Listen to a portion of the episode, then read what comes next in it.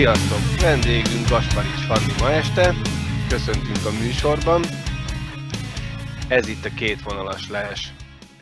És a háttérben ott... Zombi. Zombi látszik a tükörben. Hoppá! Semmi baj. De igazából nem ő Hát a volt tükör már sok ilyet okozott, mert itt szoktam vizsgázni is egyébként, meg ő is, és amikor a másik látszik, az egy picit para. Vicces, Most látszott Én Nem, üdvözöljük őt is. hogy ott a helytelen. Akartam kérdezni, hogy mennyire lehetünk szemtelenek, hogy mennyire van közel, de akkor, akkor ezek szerint nem lehetünk. szemtelenek, meg közel van, de nem hal. Ja, jó, jó. Szóval, eh, ha már itt tartunk, említetted a vizsgákat, hogy sikerültek? Még egy vizsgám van hátra, de eddig mindegyik ötös lett, úgyhogy Nagyon. Gratulálunk. köszi. És mi leszel, ha nagy leszel? Vegyészmérnöknek tanulok, úgyhogy lényegében vegyészmérnök leszek, de ez egy picit semmit mondó lehet, még talán nekem is, hogy pontosan akkor mi, engem főleg a kozmetikai ipar érdekel, és majd abba szeretnék elhelyezkedni így különböző termékek fejlesztésének a régiójában. Mit, milyen meglepő. És hogy tudod összeegyeztetni a hokit meg a tanulást? Fú, ezt már annyi, annyian, annyiféle kontextusban megkérdezték, és mai napig így rácsodálkozom igazából, hogy hú, azért ez tényleg nehéz, de ebbe szocializálódtam, mert amikor elkezdtem jégkorongozni, akkor elsős voltam. Szeptemberben iskolába mentem, és januárban meg elkezdtem hokizni. Tehát lényegében az egész gimnázium alatt hokiztam, és abban nőttem bele, hogy nekem az volt a normális, a standard, hogy elmegyek iskolába reggel, utána iskola után, ha volt egy, egy óra, két óra, mikor, hogy volt edzés szünet, de az alatt nagyon-nagyon sok mindent nem tudtam csinálni, mert ugye el kellett menni edzésre, felöltözni, edzés, majd ö, átöltözni, lefölözni, stb. Mire hazaérek, este van, vacsorázom, még készülök valamennyit a következő napra, és így mentek a hétköznapok igazából. Um, úgyhogy megtanultam hatékony lenni, minden időmet beosztani, amennyire tudom.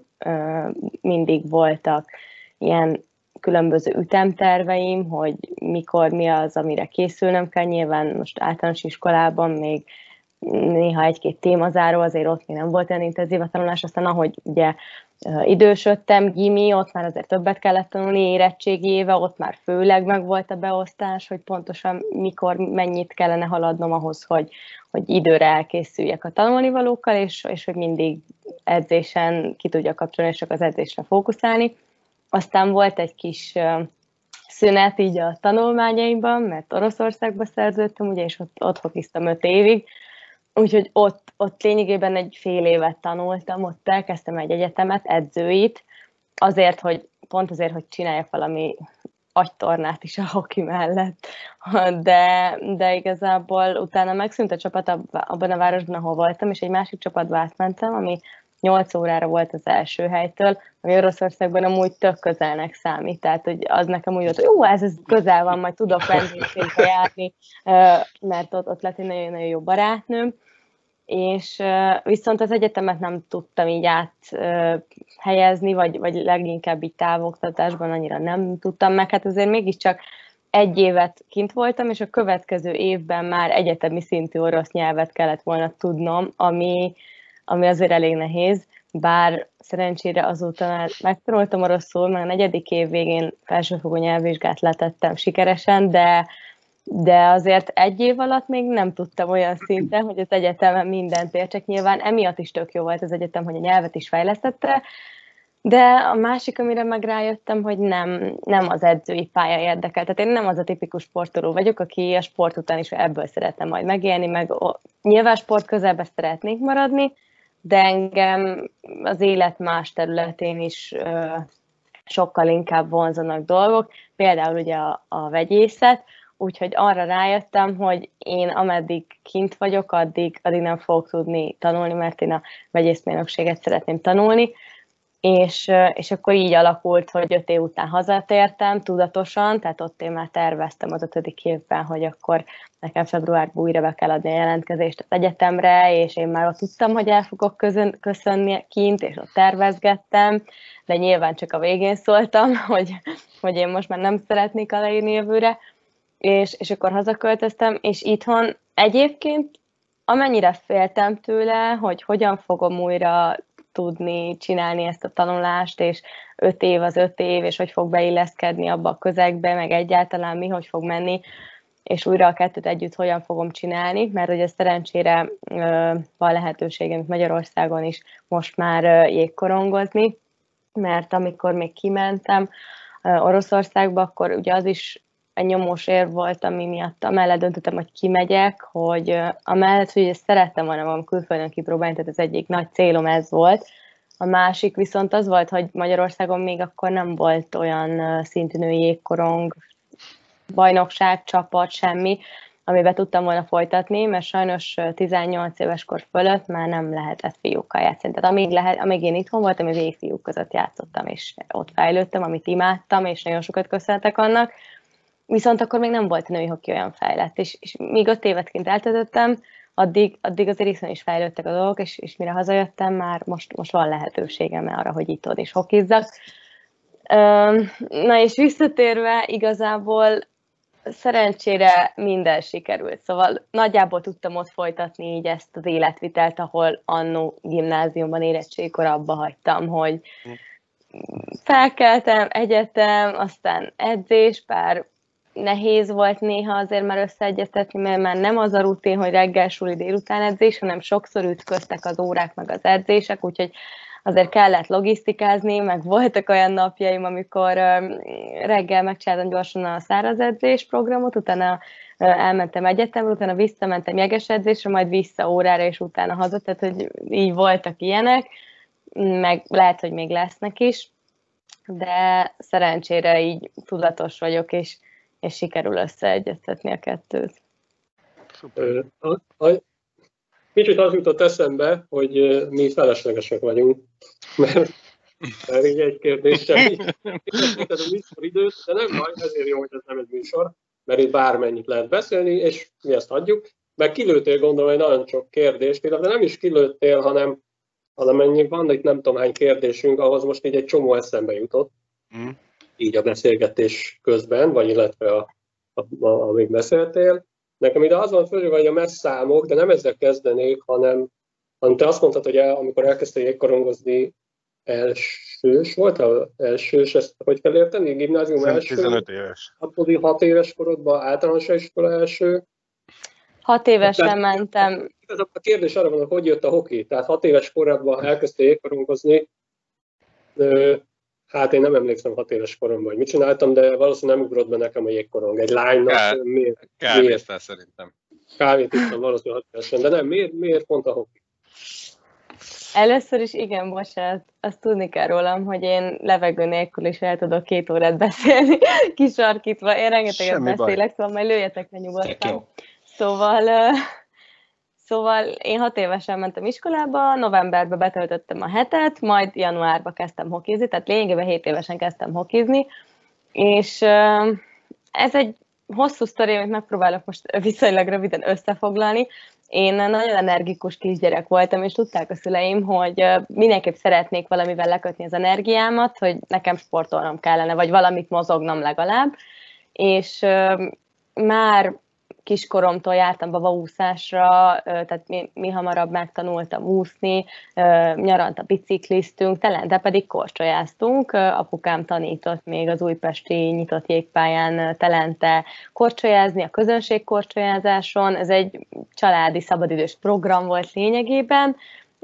Anya nézett a pálya széléről, mi meg ott korcsolyáztunk és akkor még igazából nagymamám azóta is emlegeti, hogy ő is volt, hogy eljött és megnézett, hogy a kis Fannik a, nagy felnőttek lába között csak úgy átsuhant, mert olyan pici voltam, de imádtam, imádtam a sebességet, a korítást, fogócskáztunk mindig ott apával volt, hogy így a közönségkoriban többen is idegenek is beálltak, és ismerkedtünk, és ott fogócskáztunk. Szóval a korcsolya az innen jött, egy szabadidős programból, meg abból, hogy hogy igazából úgy gondolták a szüleim, hogy egy gyerek azt tudjon úszni, biciklizni, meg korcsolyázni, ez a három alap sport vagy mozgás, amit tudjon egy gyerek. És amikor meg iskolába mentem, akkor az iskolában volt egy plakát, a Budapest Stars Sportegyesület gyerekeket toborzott, mert akkor egy évvel azelőtt alakult körülbelül így a csapat Magyarországon, és hát utánpótlást gyerekeket toboroztak, gyere hokizni, megtanítunk a nulláról is, ha még korcsolyázni sem tudsz, kisfiúk és kislányok jelentkezését várjuk. Abszolút egy toborzó plakát, és annak a plakátnak köszönhetem lényegében az egész hoki karrieremet, mert azt látták meg a szüleim, és az alapján, a felhívás alapján vittek el, vagy mentünk el egy edzésre, még a Városliget is átras jégpályára, akkor még, és, és ott kezdődött minden. Aztán a kezdet is nyilván olyan volt, hogy az elején még a szüleim kicsit óckodtak az első egy-két alkalommal, hogy hú, ez milyen nagy felszerelés, ez egy mégiscsak fiúsabb sport, meg sokkal kevesebb kislány van, rengeteg fiú van, és um, meg is próbálkozott anyukám egy olyannal, hogy akkor nem lehetne, hogy Fanni csak korcsolyázni tanítják meg az edzők itt profibban, és itt korcsolyázni fog, de nem fog hokizni. Majd mondták az edzők nevetve, hogy akkor vigye táncolni, vagy, vagy műkorcsolyázni, amit meg tudtak a szüleim, hogy nem nekem való, és, és én is tudom, hogy, hogy abszolút nem lesz volna nekem való, és, és akkor úgy döntöttünk, hogy próbáljuk ki, és szerencsére a következő két edzés után már, már a szüleim is, meg én is rajongtam a, a sportért, mert nagyon megtetszett az egész közeg, meg, meg nagyon szerettem edzésekre járni, és ez azóta megmaradt, úgyhogy így kezdődött minden. És utána jött még a döbbent is, hogy minden szezonban legalább kétszer is kinőttél protektort, meg egyebeket. sok a felszerelés, meg sok is kell belőle. Igen visszatérek a kérdésre, ugye a messzámokra, hogy miért pont azok, amik, talán az egyiket könnyebb kitalálni. Melyiket? Hát én a 94-re tippeltem, de... Jó, eltaláltad, akkor ugorjunk. Nem a 11-re. Igen, és a 11-es miért? Akkor ez a kérdés. 11-es születési hónapom november, ennyit jelent.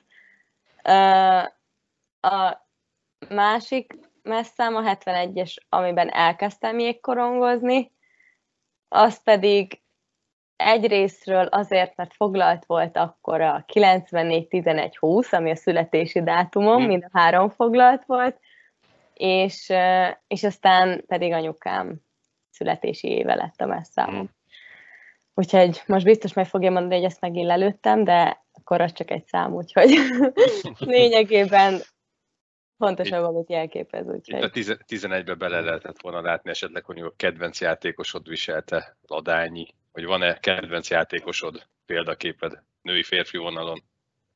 Mm, emlékszem egyébként, mikor még néztük Ladányiékat, és én néztem ilyeneket, igen, meg aztán volt, hogy Valéti Rogeren volt még Budapest felnőttbe, tehát néztem én ezeket, de de nem, a 11-es az abszolút így a születési dátumom, tehát a november hónap miatt, meg nagyon megtetszett ez a szám alapból is, és ezen kívül amúgy Ija Kovácsuk, nem mondom, hogy példaképem, de ő volt így mindig a, akinek a játéka nagyon tetszett, meg mindketten jobbkezesek vagyunk, ő 71-es egyébként, tehát ott a messzám, a másik messzámmal abszolút, és, és igazából, hát mivel mi mindig kicsiként, hogy a Budapest Starsban a, az orosz vonalat ö, követtük, mert Maszlov Dmitri volt a, az edzőnk, aki orosz ö, származású, de ugye Budapesten élt már ö, régóta, és mi abszolút az orosz ö, játékstílust képviseltük, azt tanultuk meg, és, és egyébként milyen érdekes az élet fintora, hogy aztán én kikötöttem Oroszországba totál ettől függetlenül, tehát hogy nagyon-nagyon érdekesek ezek, ezek úgy beleszoktam gondolni és nekem nagyon tetszik az orosz játékstílus, és már akkor is tetszett, és, és akkor így Kovácsukot tartottam, vagy egyszer mondtam őt egy ilyen interjúban még tizen pár évesen, hogy így ő a példaképem, de nem tekintek rá igazából úgy példaképként, hogy mindenben rá akarok hasonlítani, vagy nekem ő a, a, az egyetlen, mert nagyon sok hoki játékosra felnézek. Úgyhogy, de őt, őt mondanám így nagyjából. Az orosz vonal az nekünk is tetszik. Mm. Ott ugye az, az a stílus, hogy üres kapunál még egyet passzolunk. Uh-huh, pontosan, ugye? és én ezt bele, tehát mindig nagyon kombinatív, nagyon összetett, és amikor még tovább játszok, és tényleg az utolsónak már csak bele kell élni, imádom, és imádtam mindig is ezeket, úgyhogy nekem ezért is igen, az, az volt a minta. Hát akkor egy daciukot oda teszünk a Kovácsuk mellé, és igen. Ott bárki pont király abban a sorban. Így van. Ebből adódik a kérdés, hogy kedvenc csapatod van esetleg. Például az én fiam játszik a Vasasban, de nem szeret hokit nézni, hogy te egyáltalán szereted nézni? Hát, megmondom őszintén, hogy uh, így klubhokit nem szoktam követni, kivéve ha érdekeltség játszik. Um, Viszont, viszont világbajnokságokat igen, tehát az átcsoportos férfi-női VB-t, ezeket szoktam, az U20 VB-t szoktam, amennyire időm engedik, tehát a világbajnokságokat valamiért sokkal jobban szeretem nézni. A divízió egy kimaradt, a férfi divízió egy. Azt is nézed, ugye? Azt is nézem. De hogy... az hivatalból. De itt az érdekeltség. Érdekeltség az érdekeltségeket mindig, de, de egyébként magyar hokit szeretek nézni. Érdekes, nem tudom, nekem valamiért így. Meg az orosz hokit, ugye ott az egy másik érdekeltség, mert ott meg játszottam, és ott KHL meccseken is többen kint voltam, tehát ez megint egy más feeling. De én szeretem, én ugye, hát az Budapest lett a Vasas, tehát én, én nekem az lényegében az anya egyesületem, tehát azt is szeretem. A időm engedi, csak ugye mivel az előbb említett dolgok, mert kevés időm van, ezért lényegében így csak, csak az érdekeltségű meccseket szoktam nézni. Azokat engedi időm. Az elején említetted, hogy kb. 18 éves korodig, amíg csak lehetett, addig fiúkkal játszottál együtt. És egy picit most hadugorjunk az időben. Egy picit össze-vissza fogunk ugrálni, de alapvetően majd a végén talán rájössz, hogy mi a, a, a vonulata a beszélgetésnek, vagy mire akarunk kiukadni. Hogy, Semmire. Mit ad... Ugye mit ad, mit ad egy női válogatottnak egy fiú csapat ellen játszani? Oké, okay, hogy volt egy szituáció, amiben az osztrákok nem tudtak, vagy nem akartak, vagy nem mertek eljönni. Úri hölgyekért viselkedtek.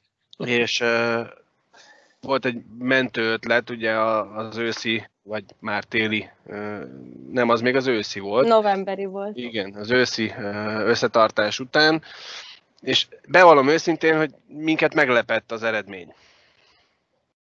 Tehát, hogy, hogy miért, mert mindenki azt nyilatkozta, és ez a marketing duma részének tűnt nekünk, hogy hú, de nagyon jó, mert mennyit lehetett tanulni a fiúk elleni játékból. Tényleg ennyire nagy különbség van egy 16 éves fiú és egy 19-20-21, tehát egy felnőtt női csapat között? Vagy ott már valami más is volt azért a történetben? Mm, igazából egyrészt fiúkkal lejátszani mindig más, tehát amióta azért már mi így a válogatott gerince, azért már egy jó pár éve nem játszhatunk korunknál fogva fiúkkal és fiúk ellen. Viszont mindegy, nagyon sokunk tudja, mert nagyon sokunk hozzám hasonlóan fiúkkal nőtt föl, és tudja, hogy mi az velük, illetve ellenük játszani. Nekem nagyon sokat adott, és mai napig hiányzik sok szempontból.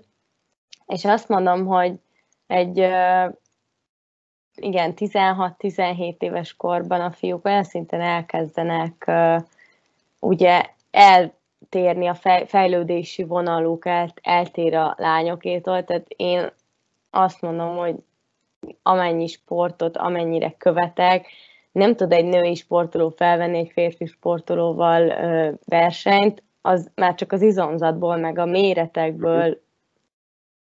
Ajaj, most eltűntem. Megfagytunk? Ne, nekünk, nekünk, nekünk működik. Működik. Itt vagy, megjöttél? Itt, itt vagyok? Jó. Igen. Szóval, csak nekem kiírta, hogy gyenge a kapcsolat, és így eltűnt. Na mindegy, szóval... Uh... Hát ez lehet egy célzás, de... jó, hogy nem hallja. Az tényleg jó. Szóval... De oda nézett, de oda nézett egyből. Jaj! Bocs, igen. Na most szintünk kiment. Na mindegy, szóval, hogy, hogy egyszerűen az izomzat, meg a méretek, meg, meg az, hogy amíg ő lép kettőt, én nekem ötöt kell lépni, és hiába vagyok gyors én is, egyszerűen fizikálisan eltér azért a, a fiúhoki a nőitől, ezért is volt jó, hogy amíg ugye velük játszottam, játszottunk, addig, addig nekünk mindig, minden egyes nap, minden egyes edzésen, meg ugye minden egyes meccsen ellenük fel kellett venni a versenyt, és azt kellett játszani olyan gyorsan, olyan erősen, olyan szinten, amit ők. Nyilván ezért is van az, hogy egy idő után már nem játszanak lányok fiúcsapatban, pont azért, mert, mert már egyszerűen nem lehet fizikálisan fölvenni a versenyt. Tehát én hiába tanulok meg egyszerűen legjobb technikával lőni, nem fogok fele olyan erőset se lőni, mint egy fiú, mert, mert egyszerűen nincs, nincs fizikali, fizikailag képtelenség olyan izomtot felépíteni. Nekem volt egy orosz csapattársam, aki fiúkat megszégyenítően lőtt, de, de nyilván ezt így mondjuk, de még az ő lövés sem. Tehát, hogy, hogy nem tudunk fel, felvenni versenyt fiúkkal, ami bosszantó, de ez van. Ezért van külön a női meg a fiú hoki.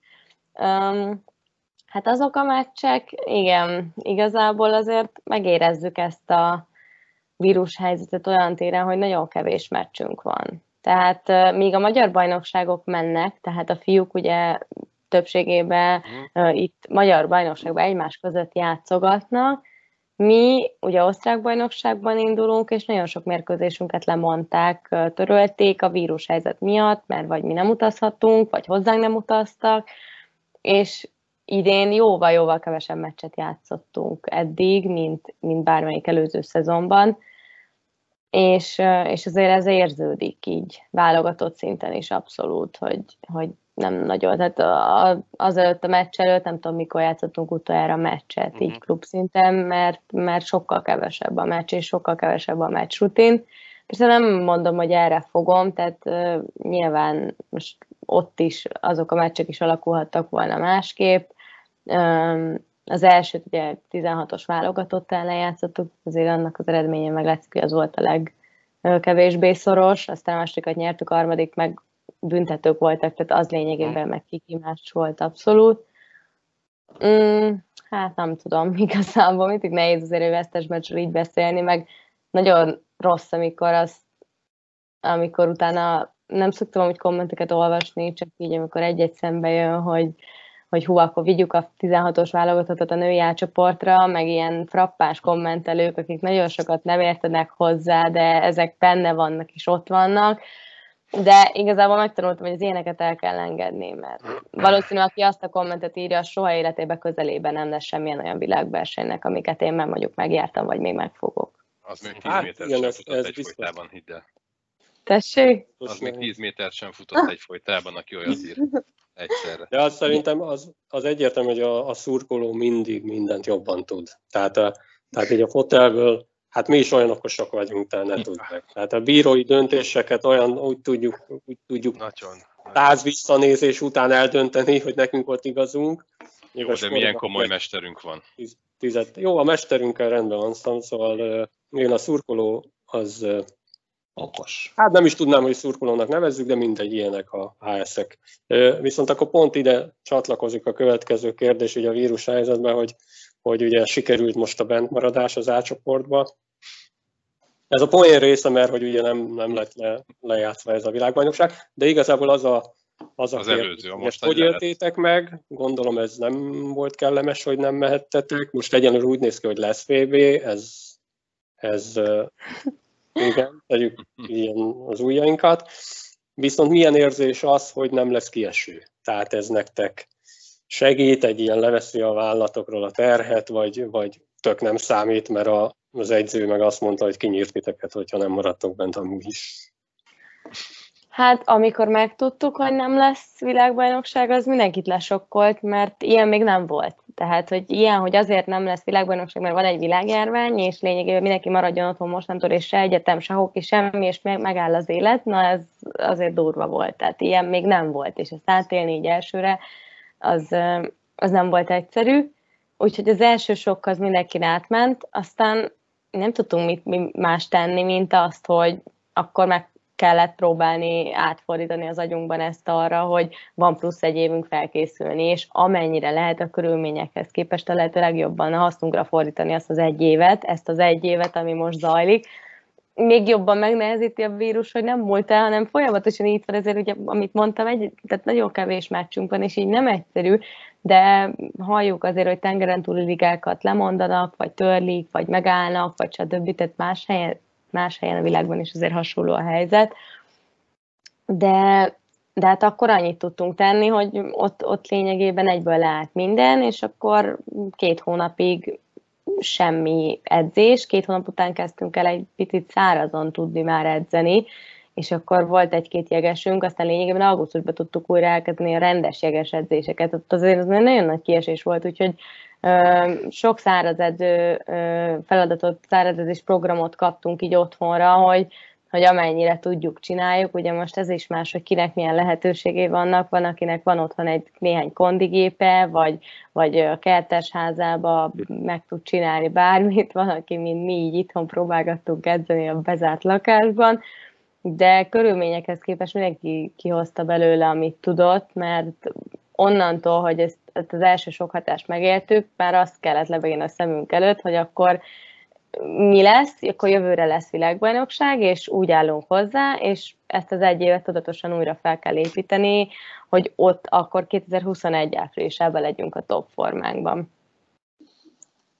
A következő kérdés az enyém lenne, de én előtte visszakapcsolnék erre a 18 éves korodig mondat, hogy fiúkkal játszottál. Ha jól emlékszem, U12-től már lehet ütközni.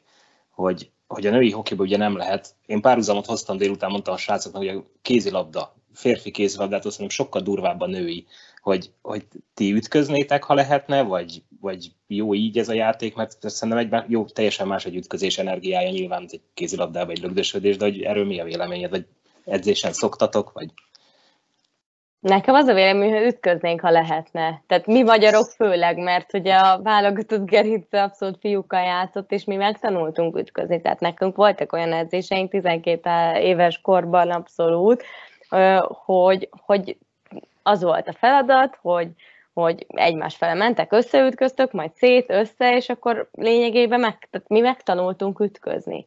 És nyilván emlékszem, hát voltak olyan meccsek, amikor az ellenfelünk volt a csapatunkban három lány, az ellenfélbe egy se, és az ellenfelünk 15 évesen arra ment, hogy a lányokat minket leütközzön, mert ugye a kiállítás nem kap érte, mert lényegében szabályos, de mivel voltak azért akkor is nálunk erősebbek, magasabbak, és amikor csak arra mentek, hogy a lányt leütközzék. Tehát én erre is emlékszem, és ez benne van.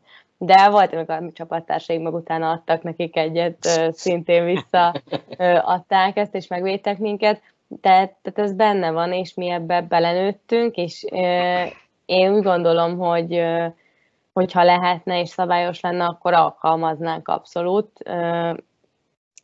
Egyébként az orosz ligában azért valamelyest testesteni játék van,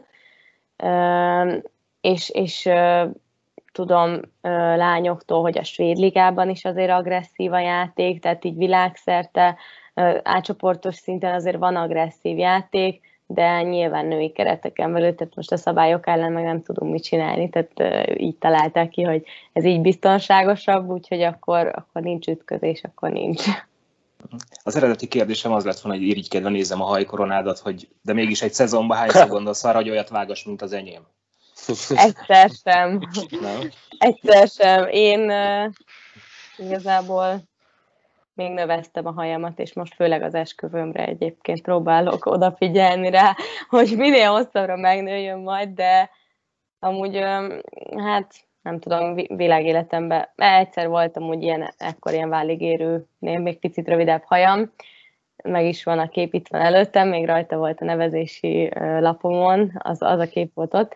Na mindegy, de Hát igen, nők vagyunk, és a pályán kívül ugyanúgy szeretünk csinosak lenni, dagasak, és, és ugyanúgy adunk a megjelenésünkre, de hát ez azzal jár, hogy most sokat többet kell ápolni nyilván az arcot, a hajat, meg minden, mert a, a jégpályán azért ott igénybe vesszük azt is, tehát kiszárad, meg száraz a levegő, kiszárad, akkor sokat kell ápolni, úgyhogy hát ezek női praktikák, nem tudom, hogy titeket ez mennyire érdekel, de igen, ez, ez ezzel csak, jár. Csak annyi, hogy így edzés vagy meccs után hogy néz ki, hogy mindenki hajat most és szárít, akkor kb. 20 óra még az utolsó elhagyja az öltözőt. nem 20 óra így, a, egyébként. így az itthoni ciklusidőt ismerve. De hát... Nem nekem, természetesen. érdekes, hogy egyébként a, így most klubcsapatban a légiósokkal az a tapasztalatom, ők egyébként főleg többségében Kanadából érkeznek, hogy ők tényleg minden edzés után hajat mosnak. Hát én ezt nem bírnám, tehát egyrészt amúgy a hajnak se tesz jót, de ez megint már itt belementünk a női praktikákba. Tehát annak Így előveszük a sminket is. mert gyorsabban zsírosodik, ha minél többet mosod, másrészt meg mondjuk ők nem szárítják meg, és ezt például tapasztaltam, hogy Oroszországban is volt egy-kettő, bár azért ott kevesebben, akik télen-nyáron nem szerítják meg, és akkor úgy jönnek edzés után vizes hajjal, és magától megszered. Most nyáron még oké, okay, mert még hűsítés, de télen az oroszoknál azért tényleg csak Hát, talán egy mert, a, mert akkor utána így letörhetted volna a hajadat. Igen, meg riogattak, hogy kopasz leszek, ha nem szárítom meg a hajam. Igen, tehát é, abszolút, úgyhogy Közben így is úgy is kopasz leszel nem sokára. Szerencsére anyám haját örökölte. Rajtam már látszódik. Azért pont jó, hogy takar ez a füles. de egyébként Ne, kettő van rajta. van, aki, van, aki amúgy sűrűbben mos hajat egy edzés után, de amúgy megtanultuk ezt is, hogy ha gyorsan el kell készülni, ha 5 percet van, akkor 5 perc alatt beállsz, megmosod, kettőt fújsz rajta, száraz, kész. Sose láttam ilyet. Sose. Amúgy, most ha megkérdezik az amit, akkor biztos, hogy itt hasonló mondatokat mondanom, mint ti, tehát sajnos én is tudok órákig készülődni. De ez idő relatív. Természetes, persze. Viszont ha már női praktikák, mennyivel másabb egy női edzővel dolgozni, mint egy férfi edzővel? Tehát miben, miben, miben különbözik? Vagy különbözik egyáltalán? Mm, ez nagyon érdekes. Ugye a női edzővel most először dolgozom ugye ettől a szezontól, és hát lényegében három összetartás volt eddig? Négy, négy, négy összetartás volt eddig, négy program. Más egyébként, talán érzelmesebb kicsit így a pályán kívül némely meeting vagy ilyen beszélgetés alkalmával, elég hamar már a, azt hiszem a második összetartás alkalmával, vagy a harmadikkal így olyan dolgokat is megtudtunk róla így a, a múltjából, a sport karrierjéből, nehéz pillanatait, meg örömeit, bánatait, stb. Tehát így talán érzelmesebb, meg hát nem tudom, így más a mentalitás egy picit, így ő is nagy hangsúlyt, fektet a csapat kohézióra, amit amúgy, ami amúgy a feljutásunk egyik kulcsa volt, amit Pet Kortinával ugye elértünk. De, de hát igazából én nem annyira úgy tekintek rá, hogy most ő nő, hanem edző, edző, és lényegében az a fontos, hogy ugyanúgy kemény legyen, ugyanúgy ha kell, akkor kvázi odaszúrjon, tehát ezt úgy értem, hogy, hogy, hogy megmondja a kemény szavakat, hogy ez nem jó, és, és hello, és adjon egy képzeletbeli pofont így a csapatnak, hogy, hogy most akkor álljunk már föl, és vegyünk már egy fordulatot, mert most ez nem jó, amit csinálunk, és ezt tudni kell megfelelő időben, megfelelő helyen ezt elmondani. De egyébként így, amiben így nagyobb változást észreveszek, az most ezek a pályán kívüli dolgok, amik, amik, amiket így alkalmaz ahhoz, hogy a csapat egység jobban összeálljon, és így az átcsoportra igazából úgy készülünk, hogy, hogy ugye ezt így elmondta, hogy de ezt tudjuk mi is, hogy igazából kvázi mi leszünk az esélytelenebbek ott, akik lentről jönnek, a többiek mi az dánokkal együtt jövünk lentről, és a többiek pedig azok lesznek, akik már x éve ott vannak stabilan, és abban a csoportban játszanak, és már sokszor játszottak egymás ellen, úgyhogy minket az egységünk fog tudni előre vinni, és ezért ez így a mottoja kvázi szerintem, hogy amellett, hogy nyilván a taktikai elemeken, meg a pályán is dolgozunk ezen, de hogy a pályán kívül minél egységesebbek legyünk, azon dolgozik talán a legtöbbet. Az előző kérdésemnél pont egyébként erre nem válaszoltál, vagy kimaradt. Tehát az, hogy nem esettek ki, ugye? Ja, a, igen. az, az mennyit befolyásol a hozzáállásotokon, könnyebbség, vagy, vagy tök mindegy, mert ahogy mondtam, úgyis azt mondta Liza, hogy az első nyolcba kell lenni. Lényegében szerintem sem minden befolyásol, mert uh, szerintem senkinek a szájíze nem lenne olyan jó, hogyha most úgy maradunk bent, hogy 9 vagy 10 vagyunk, és akkor tudjuk, hogy jó, hát most itt a helyzet miatt most bemaradtunk, de egyébként amúgy kiestünk volna. Magyarok nem ez a virtus, nem ez a szellem vagyunk, akik így úgy állnak oda, hogy jó, akkor ez most mindegy. Tehát mindenki azért megy oda, hogy olyan helyet érjünk el, ami normál esetben is bennmaradást érő lenne. Um, viszont így volt már olyan mondat, elhozott már olyan mondat Lisának a szájából, hogy, hogy lényegében legfontosabb az az, az utáni novemberi olimpiai selejtező, ahol majd meg kell verni a csapat az ellenfeleket, mert az, az dönt tényleg az olimpiáról. Itt, itt pedig nyilván szeretnénk benn maradni, de mármint olyan bennmaradó helyen végezni, ami tényleg bennmaradó hely lenne. De, de, de ha tényleg ott leszünk a világbajnokságon, akkor biztos, hogy senkinek nem fog az a fejébe megfordulni, hogy jó, hát úgyis maradtunk, hanem ott, ott egy extázisban leszünk, hogy megélhetjük ezt, hogy felnőtt átcsoportos VB, és szerintem mindent ki fogunk tenni a pályára, amink van annak érdekében, hogy elérjünk, minél több meccset meg tudjunk nyerni. És az hogy lehet, hogy jutottatok el erre a szintre, hogy A csoport, olimpiai selejtező valós esélyekkel, ugye gondolnánk, hogy kellene hozzá egy erős bajnokság, széles játékos bázis, na most ez azért Magyarországon nincs meg, gondolom. Uh, mégis, tehát hogy van az, hogy ti ott vagytok az A csoportban, te hogy látod, minek köszönhető ez? Aranygeneráció.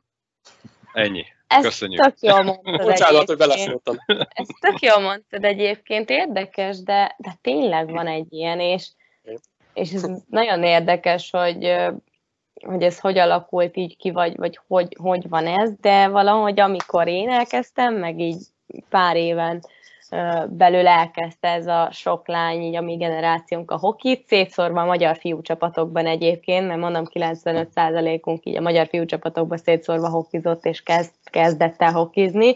Nem tudom, milyen hullám volt akkor, hogy így ennyien így elkezdtük, nagyjából egyébként egyszerűen mondom plusz-minusz öt év.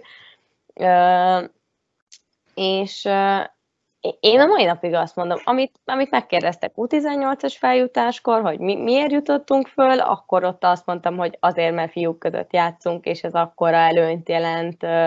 Nem tudtam akkor sem, meg most tudom, hogy a másik csapatokban most az orosz, orosz ligát ismerem, de, de nem tudom, hogy kint hogy mennek ezek, hogy ki mennyire játszik fiúk között, meg ahol mondjuk olyan a női szint is már kiskorba, hogy elég, az, az, az elég, de nálunk ugye nem olyan, meg nem is volt, akkor még egy csapatnyi lány volt összesen, de én azt mondom, hogy az, hogy itt fiúk között fejlődhetünk és küzdhetünk, és a csapataink legtöbb csapat megadta a lehetőséget ugyanúgy a lányoknak, hogy egyenrangúként kezelte őket a fiúkkal. Én, én klubban főleg, tehát én, én tényleg mindig egyenrangúként voltam számon tartva a fiúkhoz képest, és sőt volt, hogy, hogy engem előnybe részesített az edző, hogyha tudásom szerint tényleg jobb voltam, mint mondjuk egy fiú, akkor én kaptam meg a lehetőséget, hogy én játszak.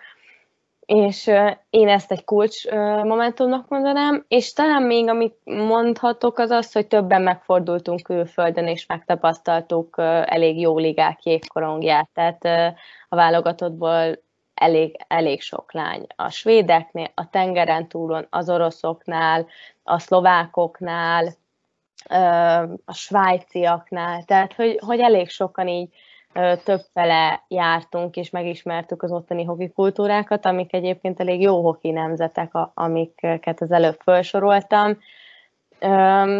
Úgyhogy, és a harmadik, amit megmondhatok, hogy azért, azért itthon is folyamatosan fejlődött a női program, és egyre komolyabb program, válogatott programok voltak, egyre komolyabb tornákon vettünk részt évközben is, tehát játszottunk egyre komolyabb szintű csapatokkal,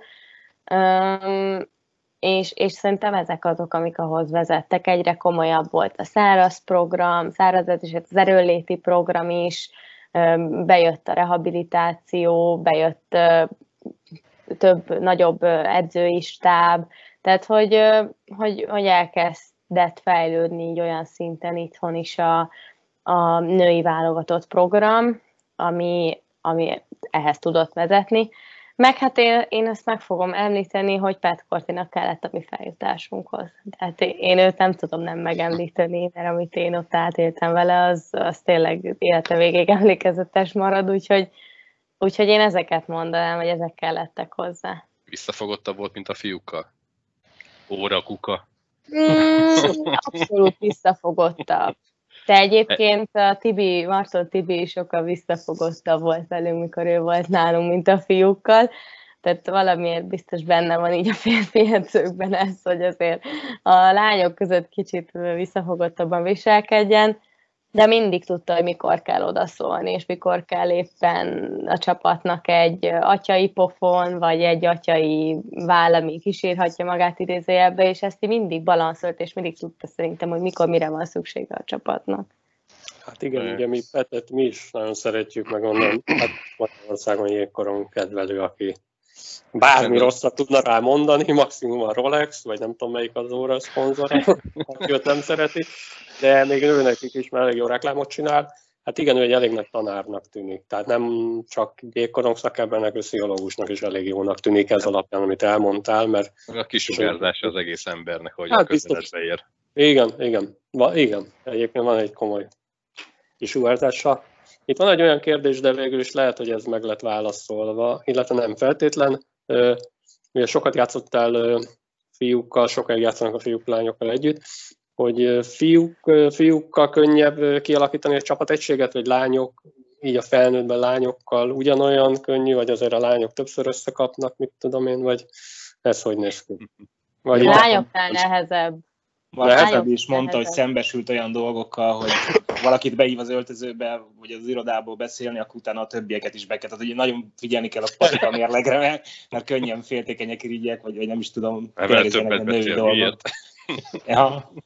Hát női dolgok azok, hát azt mondom, szörnyűek néha. Tehát, hogy néha így nem tudom, sajnálom a, a női edzőket, hogy így miket kell uh, megtanulni a kezelni. Női csapatnak edzője lenni. Ráadásul 20, 20x játékos gondolj bele. Igen, hát... Fú, az, az nagyon más lehet. Hát nekem Oroszországban volt egy olyan edzőm, aki aki úgy jött, hogy előtte soha életében nem volt női edző, csak volt KHLS játékos, és jobban volt ott Tufában a főnökséggel, és, és akkor mondták, hogy nem szeretne, nem szeretné ezt elvállalni. És hát az első edzésen úgy, me- mintha félt volna tőlünk. Annyira megéletedett attól, hogy annyi lány volt ott előtte, és akkor ő volt ott egy, egyedül, volt egy másodedző, de hogy, hogy ő volt a vezetőedző, és akkor neki ott irányítani kellett ennyi lányt, és, és hogy az elején annyira látszódott rajta, hogy ő sokkal jobban izgul, mint mi, attól, hogy ő itt van. Úgyhogy nagyon furcsa lehet így, igen, női, női edzőnek lenni, és, és mondom, nagyon nehéz is lehet. Tehát én most ugye a klub, klubomnál csapatkapitány vagyok, és még így is, tehát hogy így csapatkapitányként is azért van egy olyan feladat, hogy így összefogni a csapatot, meg a kritikus helyzetekben olyan döntést hozni mondjuk, ami a csapatot segíti, vagy úgy a, olyan irányba terelgetni mondjuk, és nagyon nehéz. Soha nem tudsz olyan döntést hozni, ami mindenkinek tetszik, mindig lesz egy-kettő, aki húzza a száját, mindig lesz valami olyan, ami nem, nem jó valakinek egy másik, meg pont azt szeretné, és akkor most kinek kedvezzél és ez, ez egy minimális része ahhoz képest, amit egy edzőnek. Tehát az edzőnek meg kell próbálnia földolgozni, ha most egy lánynak éppen ilyen hangulata van, vagy emiatt nincs jó kedve, vagy most emiatt hisztizik a csapatba, ez kapott össze, meg azt kapott össze, úgyhogy nagyon összetett ez hát is nehéz. De egyébként most nem akarom ilyen rossznak lefesteni, szóval hogy nagyon jó is. Ráadásul abból nagyon nehéz építkezni, amikor megkérdezik, hogy mi a baj, és azt mondja, semmi. Semmi. Nem? Tehát, tehát és, és azért ez a hölgyek hát, gyakran hogy mi a baj, semmi, és ebből kell kitalálni, hogy mi a probléma. És az nem találod ki, meg a te hibád. Így van. a válogatott összetartásokon neked van kialakult párod, kivel vagy egy, ki a szobatársad? Igen, igen, én Krejszemmával szoktam lenni, olyan nekem, mint a második kisugom úgyhogy vele szoktam lenni, de pont az egyik újítása volt most Iriszának, hogy a legutóbbi, össze, a legutóbbi összetartáson ő osztotta be a szobákat, és mindenki másra volt, mint akivel megszokottan szokott lenni. Úgyhogy most nem vele voltam. Ez pozitív vagy negatív volt nektek? Ezt hogy éltétek meg? Mm, az elején szerintem mindenki, főleg az olyan lányok, akik sokkal nehezebben mozdulnak ki a komfortzónájukból, és sokkal érzékenyebbek a változásokra. Tehát ugye ezt is figyelembe kell venni adott esetben, hogy ki hogy reagál egy ilyen változásra. Van, aki megrémült tőle szerintem, hogy úristen, most mi lesz, akkor nem azzal leszek, akivel mindig szoktam. Van, aki úgy volt vele szerintem, hogy mindegy, valaki meg úgy, hogy na, vágjunk bele, tök izgi, úgyhogy szerintem mindenféle volt. Én úgy voltam vele egyébként, hogy Emmával így is, úgy is sokat vagyok, nem csak a szobában, hanem úgy, úgy amblok, sokat beszélgetek vele, és, és ki fogom videó, hogyha most nem vele vagyok egy szobában, de nyilván a meccs rutinjaink azért megvannak így meccs előtt, mindig ugyanazokat csináljuk, így a szobában együtt hallgatunk zenét, együtt készülődünk, sminkelünk, hajat vasalunk, stb. Úgyhogy ezek így megvan, ez a meccs előtti készülődés rutin, ami így tökre megvan vele, mondtuk, hogy hát ez most meg, de, de nem baj, Úgyhogy egyébként furcsa volt, de ennek is alapvetően meg lehet találni az észszerű indokait, meg okait, hogy ez miért volt, és nem tudjuk, hogy jövőben így lesz, de egyébként nem volt gond. Szerencsére mindenki tök jól el volt így a szobákban. És miben volt ez az egész mutatvány, ez az egész szűk egy hét más? Mert ugye nem titok, hogy mi, mert ez december első hetére beszéltük meg először, hogy, hogy itt randizunk online és beszélgetünk egyet, de akkor jelezted, hogy más lett a napi etap, a napi program, mint ami szokott lenni, ezért elnapoltuk ezt a beszélgetést most januárra. De hogy említetted, hogy szobatársakat cserélted, Liza, miben volt még más, mint a, a korábbi megszokott válogatott összetartás? Mm, rengeteg meeting volt, ugye megbeszélés, ez volt akkor is, amikor ugye éppen kiderült, hogy egy fél órával később jövünk vissza edzésről, de még este vacsora után még lesz egy meeting, és ugye ez így hirtelen bejött, mondjuk éppen valamiről beszéltünk, tehát elég sok ilyen megbeszélés, meeting van, illetve most egy 10-11 főből álló csoportot jelölt ki Lisa, akik úgymond a leadership group, tehát az ilyen vezetői csoportszerűség így a csapaton belül, és, és mi szoktunk külön is meetingelni vele, ahol abszolút semmi titokzatosság nem hangzik el, hanem inkább bennünket is minél jobban bevon abba, hogy építsük a csapatot, és kikéri a véleményünket arról, hogy mi, mi újság a csapatban, hogy érezzük magunkat, hogy látjuk a többieket. Ugye vannak fiatalabbak a csapatban, őket mindig igyekszünk terelgetni a jó irányba, jó példákat mutatni, stb. Úgyhogy most ez, ez abszolút egy másik ilyen újdonság, mert ilyen eddig nem volt, hogy ennyi ember, és ez amúgy lehet visszás is egy picit, mert én ugye ezt arról a, abból a szemszögből tapasztalom, hogy én benne vagyok ebben a csoportban, viszont viszont tudom, meg gondolom is, hogy a, akik még nincsenek benne, ők fontos, hogy nehogy úgy érezzék mondjuk, hogy ez valami különleges kiváltság, vagy bármi olyan, ami most, amiből most kimaradnának azok a játékosok, akik nincsenek benne. Tehát ez egyébként egy merész húzás volt szerintem az edző részéről, mert ilyen még soha nem volt, és, és nem azt csinálta, hogy akkor kijelölt három embert mondjuk, hanem kvázi a, majdnem, hogy a fél csapatot, és azért ez sok, és beszéltünk is itthon róla egyébként itt családban, hogy, hogy, hogy milyen lehet ez most így, vagy hogy ez most egy egy újítás, ami reméljük, hogy jól sül el, és hogy fontos, hogy, hogy jól is süljön el, de hogy ő ezt így bevállalta, és most e, ez a koncepció, ami alapján dolgozik velünk. Uh-huh. Érdekes. Egyébként itt pont a felkészülésről volt szó, ugye ez a csemecs előtt, a két csemecs előtt volt, amikor beszéltük. Milyen volt ez a két meccs? Ugye nekünk nem volt annyira jó, már így az eredmények alapján ez a valós különbség, meg ez a nulla lőtt gól, ezzel gondolom ő sem biztos, hogy elégedett volt.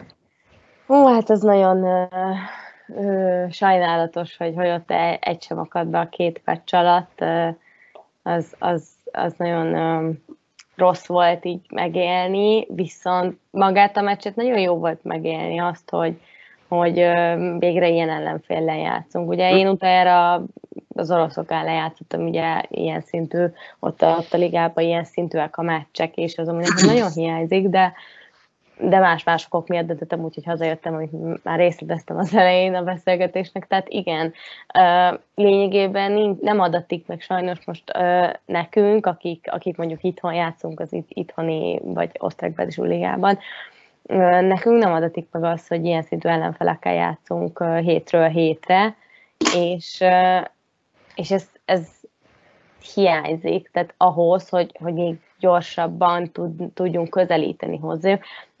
Lett volna nyilván ugye decemberben, november, decemberben ugye volt egy de novemberben, nyáron, nyáron csak a dánokkal tudtunk játszani, de lettek volna azért meg olyan meccsek, ahol, ahol ilyen szintű ellenfelekkel tudunk játszani, de most idén elmaradtak, és nekünk arra lenne szükségünk, hogy minél több ilyen meccset játszunk, mert a második meccs is ugyan 5-0 lett oda, de sokkal másabb volt a játékképe. Már egy meccs alatt tudtunk egy picit konfrontálódni, és megéreztük igazából, hogy ők mit, milyen játékot játszanak, mi az a szint, és ilyenkor egyszerű egyszerűbb alkalmazkodni, tehát hogyha mondjuk már egy meccset játszottunk, a következő nap már tudod, hogy mire számíts, hogy körülbelül milyen gyorsaság az, amivel neked gondolkodni kell, mozgatni a korongot, mozgatni magadat, tehát hogy milyen sebességre kell kapcsolnod, tehát tehát az nagyon sajnálatos, hogy, hogy, hogy nem akad be, voltak helyzeteink, arról nem beszélek, hogy én kétszer elugrottam szólóba, és egyiket sem lőttem be, úgyhogy azért haragudtam is magamra, de... Ez lesz majd, amit kivágunk. No, ezt igazából mi nem is tudjuk. Nem, ez lesz a promóban benne. Na, most ezt vágjátok ki, igen, ezt csak nektek tudtam, hogy igen, lényegében, tehát hogy ezt csak arra mondtam, hogy volt lehetőség. Csak előtte mondom kettő, amikor megszereztem, és kiugrotta belőle szólóba, és tényleg csak már kapus maradt, aztán az, az nem akad be. Na mindegy, szóval, de előnyben is voltak lehetőségeink, helyzeteink, amik nem mentek be. De nem fogom vitatni azt, hogy azért nagy részt védekeztünk. Tehát igen, a csák fölöttünk állnak, és ez egy nagy feladat, hogy, hogy mi eljussunk novemberre, mondom áprilisra is, de novemberben van az olimpi- lesz az olimpiai selejtező, ami ugye ténylegesen az olimpiáról dönt, hogy most kijutunk vagy nem, ott a cseheket meg kéne verni. Tehát vissza is így fogalmazott, hogy novemberig 5 gól hátrányt kell ledolgoznunk mostantól, ezt így ugye a meccsek után mondta, ami lényegében nem kevés, úgyhogy nyilván minden meccs más, tehát, tehát nem feltétlenül mindig öt gól van közöttünk, de, de lényegében szerintem nagyjából a, az első meccs az abszolút reális, a második meccsen mondjuk nem egy a három gól, az különbség az reálisabb lett volna, mert ott sokkal jobban felvettük a versenyt, de tehát igen, nekünk tanulni kell azért, tehát ez, azért megmutatkozik, hogy az átcsoportos szint az milyen, és, és nap mint nap mi nem átcsoportos szinten játszunk, és ez, ez kell a legjobb, ez a legnehezebb, hogy ezt így beépíteni, ezt így beszéltük is egymás között is, meg, meg erről meeting is volt így az utolsó meccs után így a csapatban, hogy lényegében nekünk, ha tudtunk a csehek ellen lényegében így pörögni, mert azért fel kellett venni a versenyt, és hiába 5-0, azért, azért abszolút voltak olyan momentumok, a, vagy meg olyan percei a, a meccsnek, ahol abszolút nem voltak ö, olyan túl, túlerőbe vagy fölénybe, tehát volt oda visszajáték. És nekünk ezt kell a mindennapi edzéseinkbe, napjainkba beleépíteni, hogy ilyen szinten pörögjünk, és hogy még ha nincs is olyan szintű ellenfél, akkor is valahogy úgy, csak ezt meg nagyon nehéz. Tehát így vizionálni, hogy a csehek vannak ott, és kettő másodperced vannak koronggal, nem 5-10, és akkor már tudnod kell, mert rád jönnek ketten, hogy hova teszed, hogy hova helyezkedsz, olyan sebességfokozaton pörögni, mert, mert mivel nem tudunk velük játszani sűrűn, meg ilyen szintű csapatokkal, ezért marad ez, hogy megpróbálni minden edzésen 120%-on pörögni. Most azt mondtad, áprilisban lesz ez a világbajnokság, mondjuk így, hogy lesz, Az lesz világbajnokság áprilisban. Addig van lekötve valami ilyen meccs, vagy a Marci nem dolgozik? Lehet, ne, ő csak a férfi válogat. Vagy azt mondja, hogy csak a férfi válogat, de ő azt fogja mondani. Ja, azt... Én most nem tudok róla, hogy milyen meccs, de arról azt hiszem tudok, hogy valami torna még februárra szervezés alatt áll, aztán Ö, nagyon reméljük, igen, hogy lesz világbajnokság. Ö, az már túlzás lenne, ha idén is elmaradna. Meg nem is akarok erre gondolni, nekem ez, ez Azért ilyen... Mondom, lesz. Lesz muszáj, hogy legyen, tehát tényleg. Hát én nem éltem meg az U18-as átcsoportot, mert pont kiöregettem. Úgyhogy mi följutottunk, és én nem tudtam elvenni, mert kiöregettem ugye a csapatból. És, és egyszerűen már meg kell adasson, hogy végre eljussak én is átcsoportra, ha már feljutottunk. Biztos, hogy biztos, hogy lesz. Úgyhogy igen. Csak visszatérve a csemecsre, hogy ugye most jött a, jött a Liza, hozott ő új taktikai elemeket nektek, sajátot, ugye a kanadai kultúrából esetleg, kanadai hokiból, és ezt tudtátok a csehek ellen gyakorolni, esetleg mondtad, hogy be voltatok szorulva, azért nagy fölényben játszottatok gondolom azért ő is szeretett volna támadásban gyakorolni pár, pár variációt. Igen, bár inkább a védekezés gyakorlására fektettük a hangsúlyt, így a csák meccseire készül, hiszen valószínű volt, hogy többet fogunk védekezni. Egy-két új elem volt egyébként, egy-két kicsit másabb fajta kihozatal, vagy, vagy hát több fókusz arra, hogy a korongos, illetve korong nélküli emberek a védekező harmadban merre, hogyan mozogjanak, használjuk a kettes gyengoldali hátvédet, ez egy ilyen figurája, tehát egy-két, egy-két elem van, amit egyébként ő így behoz. hát nem tudom, amúgy ilyen szinten már szerintem olyan nagyon-nagyon új taktikát nem is lehet alkalmazni. Vagy nem tudom, én ugye az oroszoknál azért elég sokféle dolgot tapasztaltam. Tehát... Gyorsabban kell csinálni. Amit igen, igen, a legfontosabb az, hogy minél gyorsabb döntéseket hozzunk, és minél gyorsabban járassuk a korongot, meg a lábainkat, és ne állásba legyünk, hanem mozgásban, mert ameddig hát ez... mozgás, mozgásban vagyunk, folyamatosan helyet Addig a védőnek is mozogni kell. A csehek így kavartak meg minket, hogy, hogy nem az volt, hogy egy helybe álltak és passzolgatok, mert azt mi is lefüleljük, hanem úgy pontosan is gyorsan passzolgatok, hogy közben folyamatosan hely, helyet változtattak, és mindig volt üresen egy ember, és és igazából ez az, ami, ami kell, a minél gyorsabb gondolkodás, már előre tudjam. Ugye nem oda fogok menni, ahol nem oda megyek, ahol van a korong, hanem ahol, hanem ahol lesz. lesz. Igen. Volt ez a mondás. Így van, igen. Hát meg ez talán most nektek azt is meg kell szokni, hogy eddig esélyesként játszottatok, talán sok helyzettel, amiből ha keveset lőttetek be is nyertetek, tehát nem volt olyan jó helyzet kihasználás, akkor is meg lehetett egy meccs, most viszont védekeztek kevés, kevés helyzet van, és azt, azt, azt be kéne ütni. Tehát jó hát ez a legfontosabb dolog, amit azt a két, azt a két szólót kellett. Jó. ha nem mondod, nem is tudtuk volna róla. Na igen, ez a kivágás. Nem volt online közvetítés. tessék? Nem volt online közvetítés a meccsről, akkor mit néztünk? De volt. De volt. De volt. Én, én nem hát, Az elsőt néztem. Hát akkor kérem szépen bizonyíték róla. Úgyhogy akkor Szóval a legszebben és a legfontosabb mondatot fogalmaztad meg, ez nekem például, mint támadó szellemi játékosnak, ez nagyon nehéz mentálisan, hogy ezt így fel kell dolgozni, hogy itt most nem az van, hogy a, támadó harmadban a szebbnél szebb kombinációkat játszok, és az utolsónak már csak az üres kapura kell belőni, és akkor örülünk, és gyönyörű hoki, hanem itt egy picit más. Itt, itt mi vagyunk azok, akik védekezünk, és tényleg egy-egy lehetőség adódik, akár mondjuk harmadonként előttünk, vagy, vagy az emberelőnyös játék nagyon fontos lesz, hiszen létszámfölényben azért talán kicsit egyszerűbb kialakítani helyzeteket, tehát itt teljesen más tényleg, amit mondtam, mert teljesen más, mint eddig. Tehát itt, itt valószínűleg kevesebbet fogunk a támadó harmadba forgatni és passzolgatni, és, és én szeretném, hogyha, hogyha azért tudnánk majd olyan volt lőni a VB-n, ami egy szép kidolgozott figura eredménye, de amiket látok, azért elég sok olyan gól van átcsoportos vb n ami hátvédlövés és beleérés, vagy kipattanót be, beütni, tehát... Munkás gólok. Tehát a munkás gólok azért túlsúlyban vannak már ilyen mhm. szinten, nőiben abszolút igen. Kicsit visszatérve, hogy éled meg a, a váltást, hogy hazajöttél a két légiós évek után, két év után, ezt jó döntésnek tartod? Mm. Játék szempontjából, ugye magánalite részét mondtad, hogy miért jöttél haza.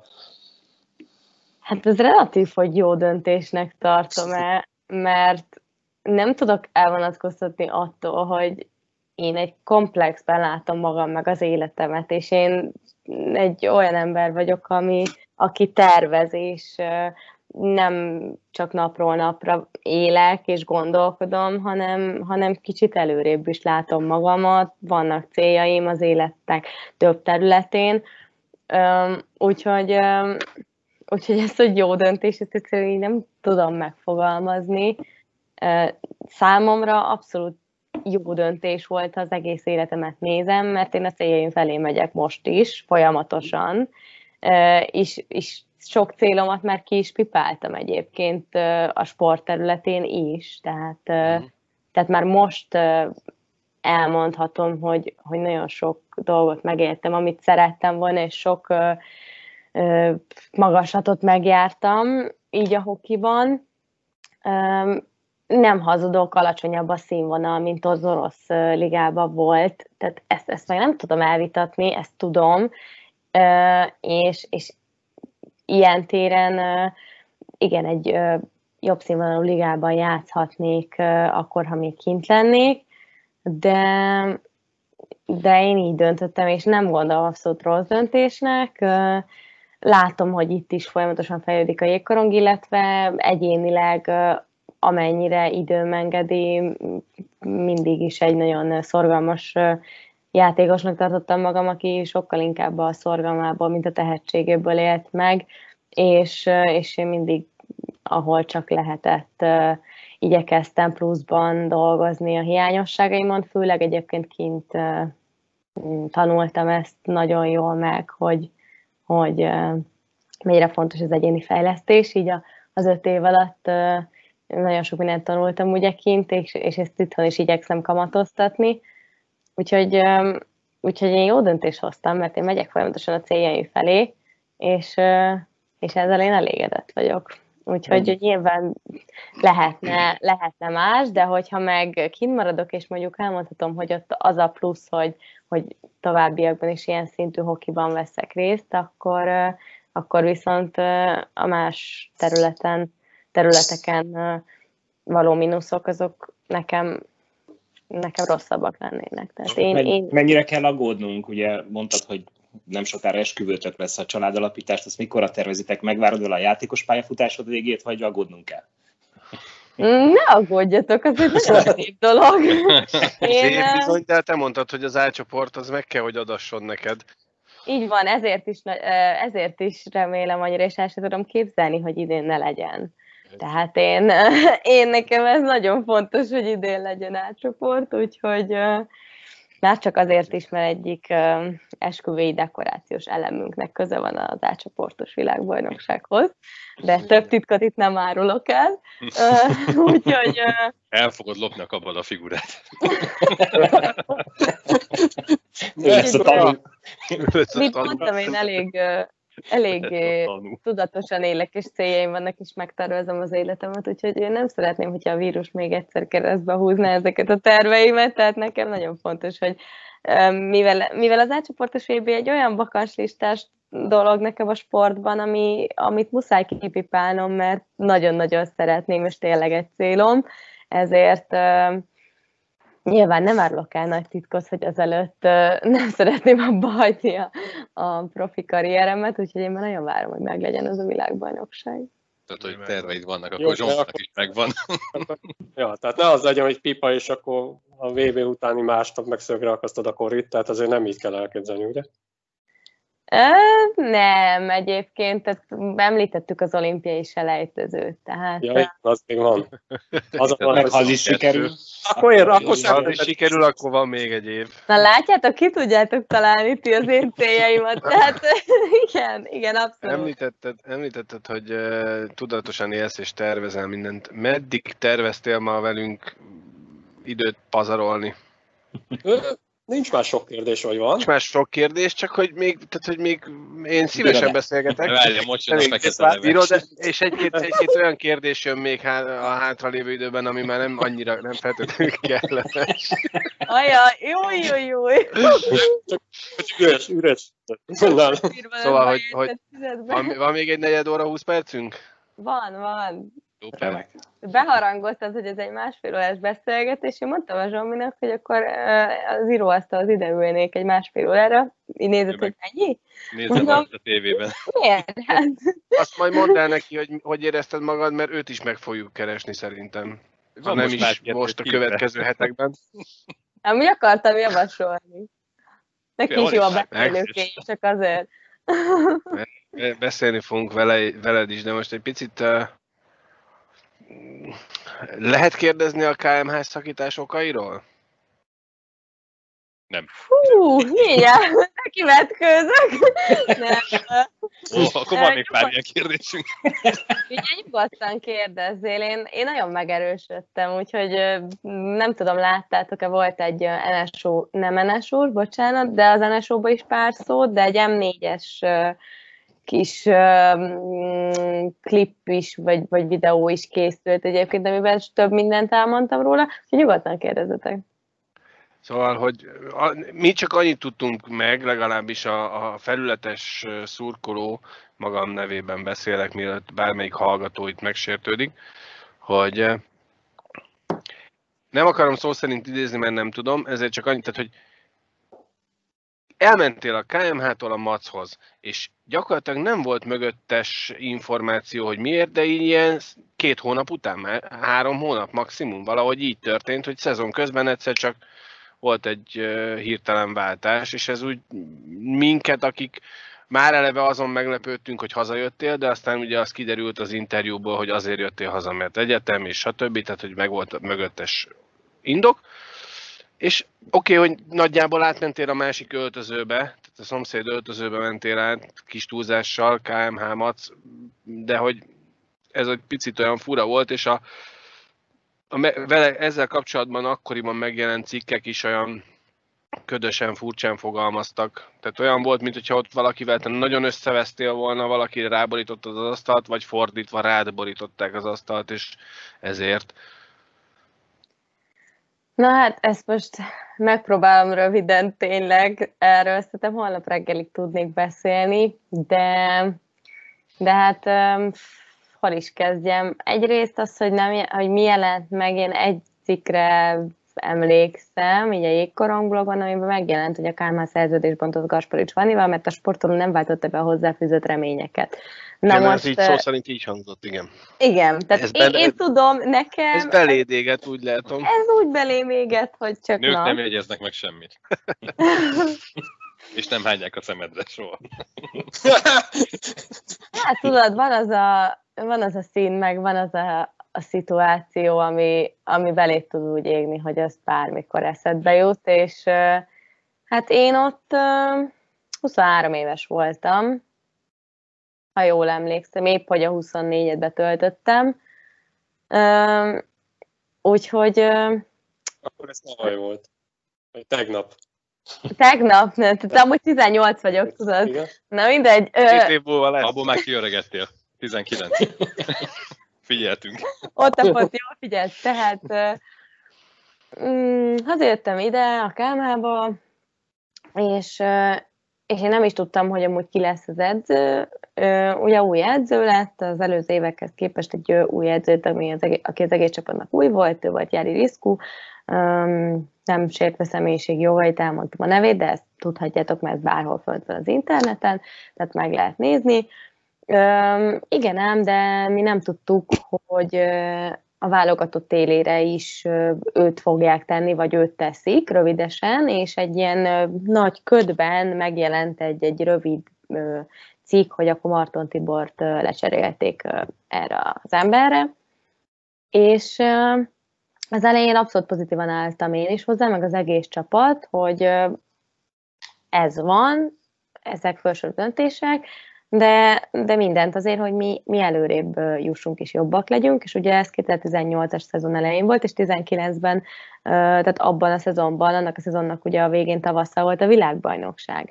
Tehát a legfontosabb év azért mindenki tudta, hogy két év ötödikek lettünk, egy éve harmadikok a divízió egyába, akkor milyen életről, hogy akkor most kettőt előlépve elsők legyünk és megnyerjük. És, és ezt tudtuk, ezt az egész csapat erre készült, hogy na itt és most, és ráadásul hazai VB, tehát hogy ilyen, ilyen tényleg összeállt minden, és hogy na akkor ez a feljutás éve, amit szeretnénk, amit el szeretnénk érni.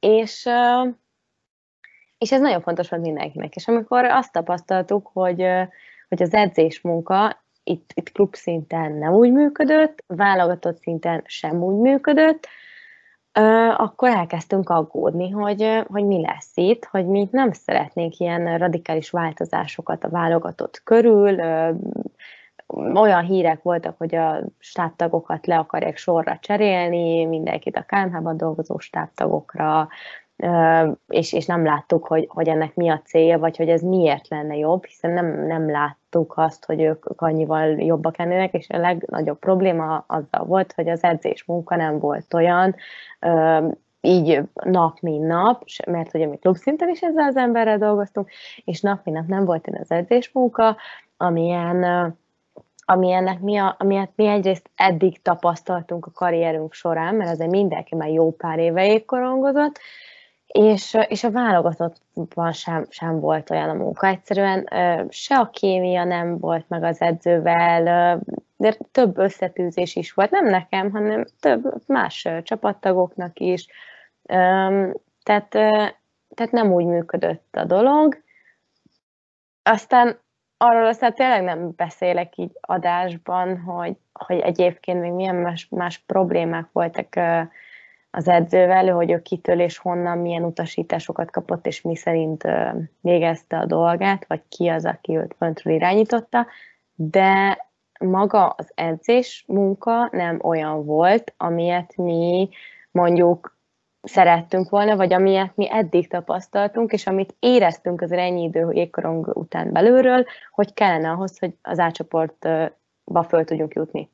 És ez volt röviden a legnagyobb probléma, és ennek olyan szinten adtunk hangot, hogy hogy abszolút a klubot nem érintő dolgokban, tehát hogy, hogy mi nem akartuk azt, hogy most őt itt lecseréljék a klubban, egyszerűen a válogatottat féltettük, mert oké, okay, persze a klub eredmény is fontos, de most idén is mindenki úgy van, hogy nyilván a klubjában nagyon szeretne mindenki jó eredményt elérni, ki külföldön, ki itt Magyarországon, ahol játszanak ugye szerte a lányok, de mindannyiunknak azért a célja az, hogy eljussunk az átcsoportos világbajnokságra, és nyilván mindenki ennek rendeli le azért a klub szezonját, mert mégiscsak egy válogatott esemény a legfontosabb, ugye az egy csúcs, ahová eljuthat egy sportoló. És a válogatottat féltettük, és ennek hangot adtunk, mire a klubvezetőség, a Kázna klubvezetősége kvázi felháborodott, pedig nem szólt semmi arról, hogy mi a klubot bármiben gátolnánk, vagy, vagy, vagy tehát mi, mi egyszerűen egy tanácsot kértünk a szövetségtől, hogy, hogy, hogy itt most mi lenne a megoldás, mert nem érezzük magunk, nem érezzük azt, hogy mi előre fele haladnánk a világbajnokságra felé, a felé, hogy följussunk. Nem, nem ezt érezzük, hanem azt, hogy, hogy egy helyben vagyunk, sőt, nehogy visszafele menjünk, és féltünk attól, hogy, hogy beégünk itt Budapesten a nézők előtt, és, és nem is csak az, hogy persze beégünk a nézők előtt, de magunkkal szembe. Tehát mi tényleg föl szeretünk jutni. És itt ez volt a fő dolog, és hát halljátok, mennyit tudok beszélni, persze ezt a többiek is tudják, és hát kitől várták el, hogy akkor értelmesen megfogalmazom három mondatot ezzel kapcsolatban tőlem. Én meg olyan Az vagyok, aki... Hát. Én meg olyan vagyok, aki nem fél megszólalni bármilyen kontextusban, bárki. Én, én tényleg szeretek beszélni, és ha, ha pedig úgy érzem, hogy igazam van, és úgy érzem, hogy valami jó ügy mellé állok, egy olyan ügy mellé, ami, ami engem, meg mondjuk az egész csapatom, csapatot abban segíti, vagy arra fele próbálja terelni, hogy, hogy mi sikeresebbek legyünk, akkor persze, hogy el fogom mondani őszintén a véleményem. és alapvetően így a válogatott kapcsán merült fel ez a, ez a probléma, tehát a klub, klubban minket, mi úgy voltunk vele, hogy most tök mindegy, a klubban lejátszuk, ahogy lejátszuk, de a válogatott volt a legfontosabb. És aztán röviden a kirúgásomról annyit, hogy engem behívtak. Tehát nem tudom ti, hogy vagytok vele munkahelyen, ha valakit ki akar... Ó, oh, ne, be, oh, ne menjünk bele. Tehát akkor azért nem tudom, tehát valamiféle felszólítást, vagy valamit talán szoktak. Nem mindegy, egyébként túl fiatal vagyok még mindig ahhoz, hogy ilyen, meg nem is ilyen területen tanulok, hogy egyébként ilyen jogi dolgokba belelássak, meg, meg tényleg ez engem annyira nem is érdekel, nem véletlen nem jogra mentem, vagy bizniszre, hanem abszolút tök más irányba, tehát én mérnök szeretnék lenni. Úgyhogy, úgyhogy egyszer csak felhívtak, hogy szeretnének velem beszélni. De semmi olyan, hogy rossz dolog, vagy nem szeretnének velem beszélni.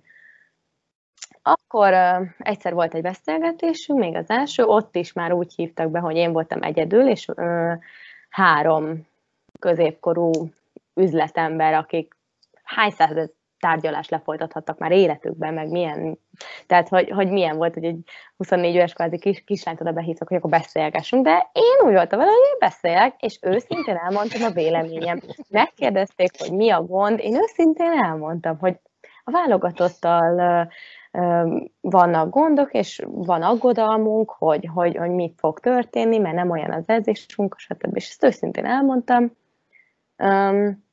És akkor utána így nagy csönd, de már ott is egyébként mondtak olyan dolgokat, amik megint nem részletezek, de amik uh, bicskanyitogatóak, de aztán igazából uh, két hét múlva meg megint jött egy telefon.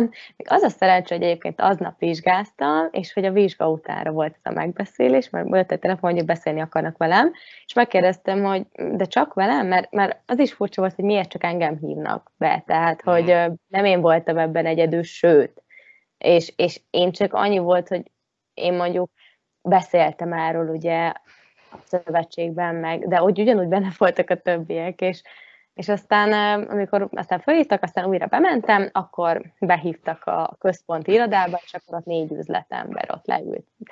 Már egy ilyen ovális körasztal így előkészített. Ezek olyanok, amiket életem végig nem fogom kitenni, így ovális körasztal. Így bekészítettek, hogy leültek kettő-kettőbe, én meg oda így a, a kvázi asztalfőre, és akkor oda beült, és be, beültem, néztem, és akkor ott szépen felvezette, akit még életemben nem láttam. Szerintem életében nem tudom, hogy hány hoki meccset nézett, mert ő egy ilyen, szerintem háttérből ilyen irányító főnök, nem tudom, ott mutatkozott be, én is bemutatkoztam, és akkor ott elkezdett engem szítkozni, hogy én ilyen meg olyan vagyok, és én néztem rá, hogy amúgy ne haragudjon, de ismer engem, vagy egyetem bármit is tud róla, vagy itt ilyeneket mond.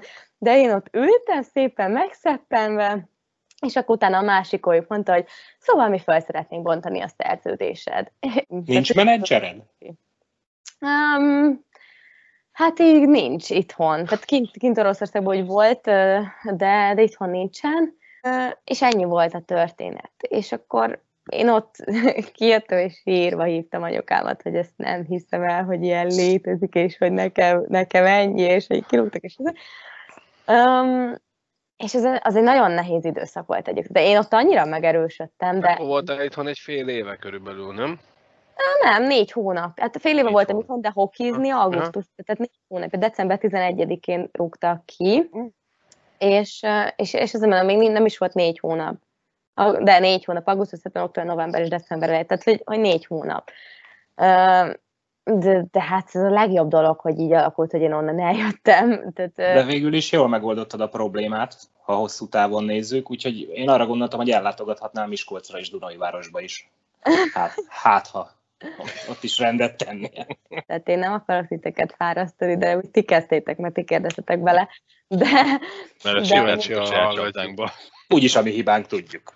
Ne, ne az egészben a legszomorúbb az, hogy van 25 olyan szintű lány az országba, és el akarunk egyet tüntetni a jégkorongból. Tehát ez annyira hát, gáz, nem? Azért nem akarok nagyon udvarolni, de mondjuk olyan szintű öt. E, na, hát igen. jelen pillanatban csak úgy, ezt lehet, hogy az elején illet volna elmondani, de aki, a jégkor, aki hallgat minket, az tudja, hogy ki Gasparics Fanni, de azért most itt hadd ragadjam meg az alkalmat, hogy a, az Elite Prospects szerint a magyar női jégkorong válogatott minden idők legpont erősebb játékosával beszélgetünk, tehát hogy ha jól tudom, most így mindjárt megnézem pontosan, hogy rossz számot mondjak, 52 pontot szereztél 30 mérkőzésen a női válogatottban, a felnőtt női válogatottban. Javíts ki, ha rosszul mondom. Ezt Nagyon... az adatot nem tudtam, megmondom őszintén, úgyhogy És, és, és a, a második legerény, legeredményesebb a Huszák Szasza, ő 34 pontos, tehát hogy nem akárkiről beszélgetünk, vagy nem akárkivel beszélgetünk, és nem akárkit akartak kiradírozni. Igen, bocsánat, fél, félbeszakítottunk. Uh, és, és igazából ennyi a, a sztori, hogy, hogy már majdnem úgy volt, hogy akkor, akkor tényleg nem, nem megyek a Pesti vívére, és ez nem fog megváltozni, és, és, és akkor, akkor a végén megtudtam, hogy sikerült, hogy jön Pet Cortina, és, és jött a, a cikk, meg amúgy nyilván üzenetet is kaptam róla, hogy, hogy na, akkor, akkor, akkor sikerült, és jött Pet Cortina, és, és akkor új behívó volt, és azon már rajta voltam, és akkor, akkor újra kezdődött ez az egész, és akkor márciusban elkezdtük a felkészülést, és, és akkor meg volt a világbajnokság, ahol meg tudjuk, milyen eredmény született. Úgyhogy hát így, így röviden ennyit erről az egészről, tehát ez így volt, úgyhogy... Kaland, kalandos volt neked akkor ez a világbajnokság, meg csattanos válasz és hatalmas is lehetett, meg élmény. A legnagyobb. Tehát nem tudom, a norvég gólörömömet láttátok-e, de az konkrétan komikus, tehát mint valami őrült, tehát nem is tudom, hogy milyen koordinálatlan mozgással ott ugrálok, vagy nem is értem, de Mindjárt megkeresek a youtube Tudom, hogy, most hogy keresétek ott... meg, mert én most lefagytam, és erre nem készültünk. Ja, a lexikon lefagyott.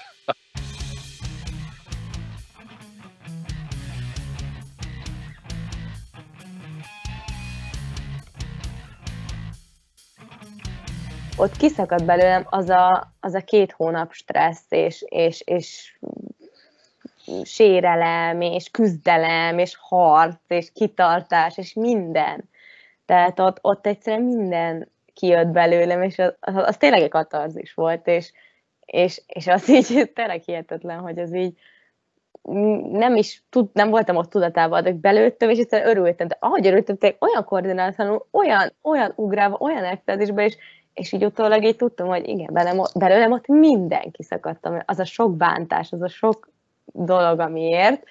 Úgyhogy, úgyhogy nagyon szép vége lett egyébként a szezonnak, de az egy nagyon nehéz szezon volt. De nagyon sok segítséget kaptam egyébként, nyilván a családomtól főleg, tehát nagyon nehéz időszakot éltünk át, de, de, de nagyon jó volt a, a vége, és szuper, szuper élmény volt a világbajnokság. Tehát azért is mondom, hogy én Pet Cortinával azt a, azt a vb soha nem felejtem el. Tehát ő, ő azt elérte, hogy én azt gondoltam, hogy amikor oda mentem, hogy jó, visszahívtak a keretbe, de hát ugye nem volt egyszerű visszamenni, ugye, mert, mert hát a, a lányok, akik ugyanúgy benne voltak ebben, többségük maradt ott, ahol volt, és kicsit elcsendesedett ezután, és ez nekem nyilván nem esett jól.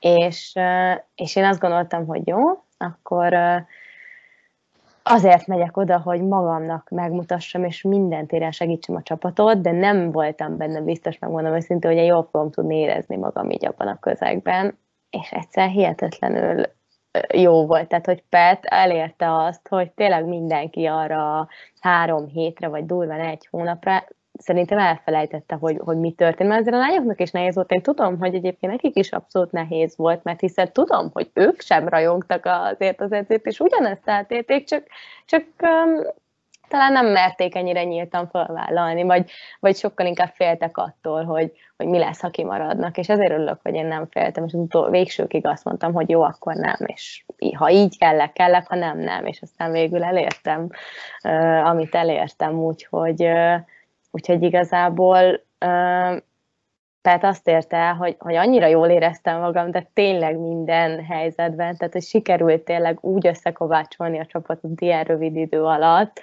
hogy, hogy aztán föl tudtunk jutni, tehát ehhez ez az a 22 ember kellett, aki ott volt, meg Pet, aki ezt így menedzselte. Ott a nagy meccsen rengeteg néző volt kint, azt titeket mennyire motivált, vagy mennyire fusztrált esetleg, vagy, vagy ugye szoktuk ezt is hallani, hogy a hazai közönség néha gátat szab a, a csapat teljesítményének, de rajtatok ezt nem láttam. Engem nagyon motivált, Szerintem, de szerintem talán mindenki. Tehát, hogy nyilván volt bennünk egy kis izgalom, mert mégiscsak 2000 ember körülbelül mondjuk kijött, és azért nem mindenki játszott már ennyi ember előtt, sőt, tehát ennyi magyar ember előtt meg senki. Tehát, hogy én, én is csak Oroszországban játszottam sok ember előtt. Magyarországon azért ez nem jellemző, és ennyi magyar ember előtt tényleg egyikünk sem játszott és szerintem engem abszolút dopping volt, de szerintem a többieket is, azért az nagyon jó érzés, amikor, amikor tényleg ennyi ember kántálja, hogy hajrá magyarok, és amikor elkezdesz már a támadó harmad felé közeledni, akkor a dob, meg a taps, meg a sikítás így fölharson a közönség, ez nagyon-nagyon jó érzés. Köszönöm, szerintem nagyon sokat segítettek a szurkolók is, úgyhogy én nagyon örültem, hogy ennyien eljöttek. Hát én, én, én ezt a tévében néztem, vagy mi az online néztem, és ilyen, az a, a nem bírtam ki. Tehát az a tipikus az, amikor... Az mit jelent, ha nem bírtad hát ki? Azt, a, azt nem bírtam ki, hogy ne Nem. Nem. fel, és hogy ne őrjöngek. Ja, értem. Életemben az volt a, mit tudom én, negyedik női jégkorong mérkőzésem, amit láttam. Volt egy, egy, amit élőben láttam egy a tüskében valami felkészülési mérkőzés, egy fél évvel korábban, vagy egy évvel korábban, és akkor egyszer csak jött ez a katarzis, amit itt a, a nem is a tüskében volt, az is a palotában, a jégpalotában volt, és akkor amit ti ott műveltetek, az, az tényleg ilyen földön túli volt megélni. Igen, picit... Hát ez belülről is az volt. Egyébként szerintem visszatérő az a, mondtad, hogy a lányoknak se volt könnyű, és ők csöndbe maradtak, az a négy öltönyös végül is elérte a célját, mert gondolom ez volt a cél, hogy hogyha, hogyha az egyik legjobban ezt megmerjük csinálni, akkor a többiek így hoppá, hát ha vele lehetett, akkor, akkor jobb, ha mi csöndbe maradunk. De térjünk is át egy más, picit könnyedebb témára, mert ez elég hosszú volt, és, és mégis pozitív a dolog, de azért voltak benne nagyon kemény dolgok otthon megy a trash talk, vagy, vagy té- nem is téma a hoki egyáltalán, mármint a vőlegényed, férjed? Vőlegényed. Vőlegény. Megelő, meleg, megelőlegeztem a bizalmat. Tükör az emberrel. Köszi. Um, abszolút téma a hoki. Nagyon szeretünk amúgy róla beszélni, mármint olyan értelemben, hogy én, én imádom kikérni a véleményét Zsombinak, mert ameddig lehetett járni a meccsekre, ugye, addig szinte minden meccsemen ott volt, amikor csak tudott, és, és ha meg mondjuk nem akkor online lehetett, akkor néztem mindig abszolút, és én imádom utána megbeszélni, hogy akkor hogy látta, mint látta, tehát hogy, hogy nagyon jó így az itthoni vélemény tőle, főleg azért, mert tudom, hogy, hogy hiába elfogult, ő nem fogja azt mondani, hogy de jó voltál, hanem ugyanúgy el fogja mondani, hogyha mondjuk uh, itt ezt másképp kellett volna, vagy ő ezt látja, hogy mondjuk ez volt a mai meccsen, ami jól ment, ez az, ami nem annyira. Én imádom átbeszélni, és, uh, és én is ugye szoktam nézni nyilván a meccseit, úgyhogy sokat beszélünk viszonylag így a hokiról, de nem azt mondom, tehát, hogy nyilván nem ez határozza meg a mindennapjainkat, hogy mindig a hokiról beszélünk, de nagyon sokat segít szerintem, így tök jó kibeszélni néha a dolgokat. Most már, hogy ilyen népszerű vagy, hogy egy kislesben is szerepelsz, biztos, hogy irigykedik is rád. Tudod, van egy belső verseny is köztünk, aztán majd be, behozza, mert ő is fog szerepelni. Igen, de ő nem volt átcsoportos VB-n. De volt. Pont ez ja, de, de volt. De, ja, de volt, ő már volt, meg. persze. Szed már össze. Viszont hálás lesz nekünk ezért a szabad két óráért, az lehet. igen, tényleg ő ott volt Szentpéterváron, igen. Pont ez az, hogy ő ott volt. Annak kapcsán jöttünk össze, úgyhogy ez egy... De mindegy, te ki fogod egyenlíteni ezt Kanadával, akkor úgy mondom, hogy ő nem volt Kanadában átcsoport. Jöttél ebből a mondatból. Kanadában átcsoportos VB nem Még lesz. Sem. Na. Igen, hazában az nem semmi. Ki, ki viseli otthon a C betűt? Hát most én azt mondom nyilván, hogy én. De aztán majd ezt majd azt elmondom, hogy tőle is meg fogjuk kérdezni. Akartam mondani, hogy ezt ne felejtsétek el. Akkor viszont Zsombi a head coach. Nem, tehát így, így most azt mondom négyünk nevében, szerintem bátran mondhatom, hogy az, e- erre a kérdésre mi is tudtuk a választ, hogy a C betű az nálad van. Akkor jó. Szerintem, ha bármelyikünk nézzük, nem nálunk van a C betű. Költői kérdés. Ha vélet, véletlenül kapunk egy C betűt, azt is visszaadjuk. Tehát, mindig, mindig az van, amit én akarok, csak előtte megkérdezem, hogy azt akarom-e. Igen. Csak megmondják, hogy azt akarod. Ugyan, kérlek, nem hiszem, Na. hogy ilyen elnyomásban éltek. nem, nem, nem, nem, nem, nem. Nem. Nem, mindjárt megyek, drága. Várj, és a producer alszik, nincs is itt a producer most. Igen. Producer, Van egy három fia- fiam, ő szokott így bemászni ide a képbe, és beül az ölembe. De most alszik. és milyen jól teszi.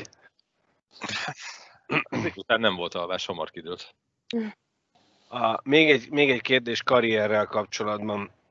Ha tegyük fel, hogy sikeres lesz ez a kanadai világbajnokság. Hát mi az, hogy kezdjük fel? Sikeres Egy- lesz, igen. Sokat, sokkal ha benne, úgyhogy jó. A sikeres kanadai világbajnokság után 2021 őszén, még már mondjuk túl vagyunk egy sikeres olimpiai selejtezőn is. Elmennél újra mondjuk Oroszországba, vagy, vagy Skandináviába, vagy adott esetben a észak-amerikai női profiligába játszani? A. Hát ha már túl vagyunk az olimpiai selejtezőn, az azt jelenti, hogy nekem ott már el kell kezdenem a szezon, tehát uh, ugye szeptemberben, és azt a szezont elég valószínű, hogy itthon kezdeném, ugyanis akkor diplomáznék, tehát uh, ez elég felépített, ugyanis a diplomázásom az 2022. január, az olimpia pedig 2022. február, úgyhogy uh, Bulit is meg lehet tartani a diplomaosztó bulit. Úgyhogy aztán azt rá, mindenkire a kedves hallgatókra meg rátok, és rátok bízom, hogy utána mi jön szerintetek, de az én kis tervezésemben, meg céljaim között. Nem készültünk. Tehát ha, ha, Család, ha, utána ha, most, család, vég, ha, most, család vég, ha most végig gondolom az, az elmúlt egy óra beszélgetését, akkor ezt a kérdést nem tettem fel. Van az 1 óra 45 Ja, akkor, az, aki, akkor a, a, ha jól értem, a válasz az, hogy ezek nincsenek benne a tervben, és az a terv az annyira le van írva, az annyira ki van tervezve, hogy azon, azon még egy, akár egy NHL szerződés vagy ajánlat sem változtatna? Soha nem mondta, hogy soha, azért nem vagyok ennyire röghöz kötött, tehát vannak terveim, vannak céljaim. Tessék, Gondolom, megbeszélnéd a... abszolút vannak terveim, vannak céljaim. Akkor, kerülünk, akkor már megbeszélnéd a gyermekeid apjával.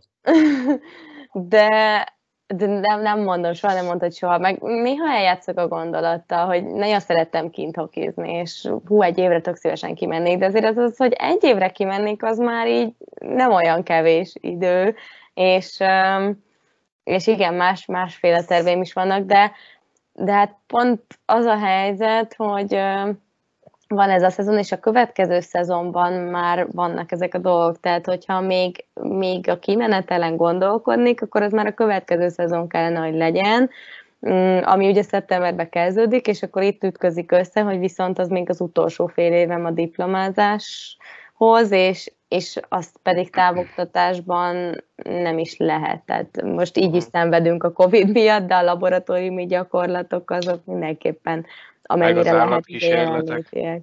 Á, azok Ott- nincsenek. Otthon a, otthon a Bocsánat. számítógép előtt a kamera előtt így kevergetni. Úgyhogy innentől kezdve egy kicsit behatárolt a dolog, de soha nem mondta, hogy soha. Tehát, ö, tehát bármi benne van a pakliban, és lényegében bármilyen változás benne van abszolút, csak van egy irány, amifele szeretnék menni, aztán, hogyha olyan visszautasíthatatlan aj- ajánlat jön, akkor akár az abszolút benne van az is a pakliba, tehát én nem zárkózom el semmilyentől, csak van egy irány, amerre mondjuk szeretnék, vagy tartok. Jó, azért én azt kívánom, ha lehet, hogy le, legyenek ilyen nehézségeid, hogy ezen kelljen gondolkodni. Ez azt itt előre, hogy mind a kettő elég sikeres torna lesz, és lesz. Legyen az, hogy lesz először ilyen torna, Fogadunk rá, ne fog... ne fogadjunk, mert akkor nem jön be, mert abban nem vagyunk erősek. Ö, Itt nekem utolsó kérdés?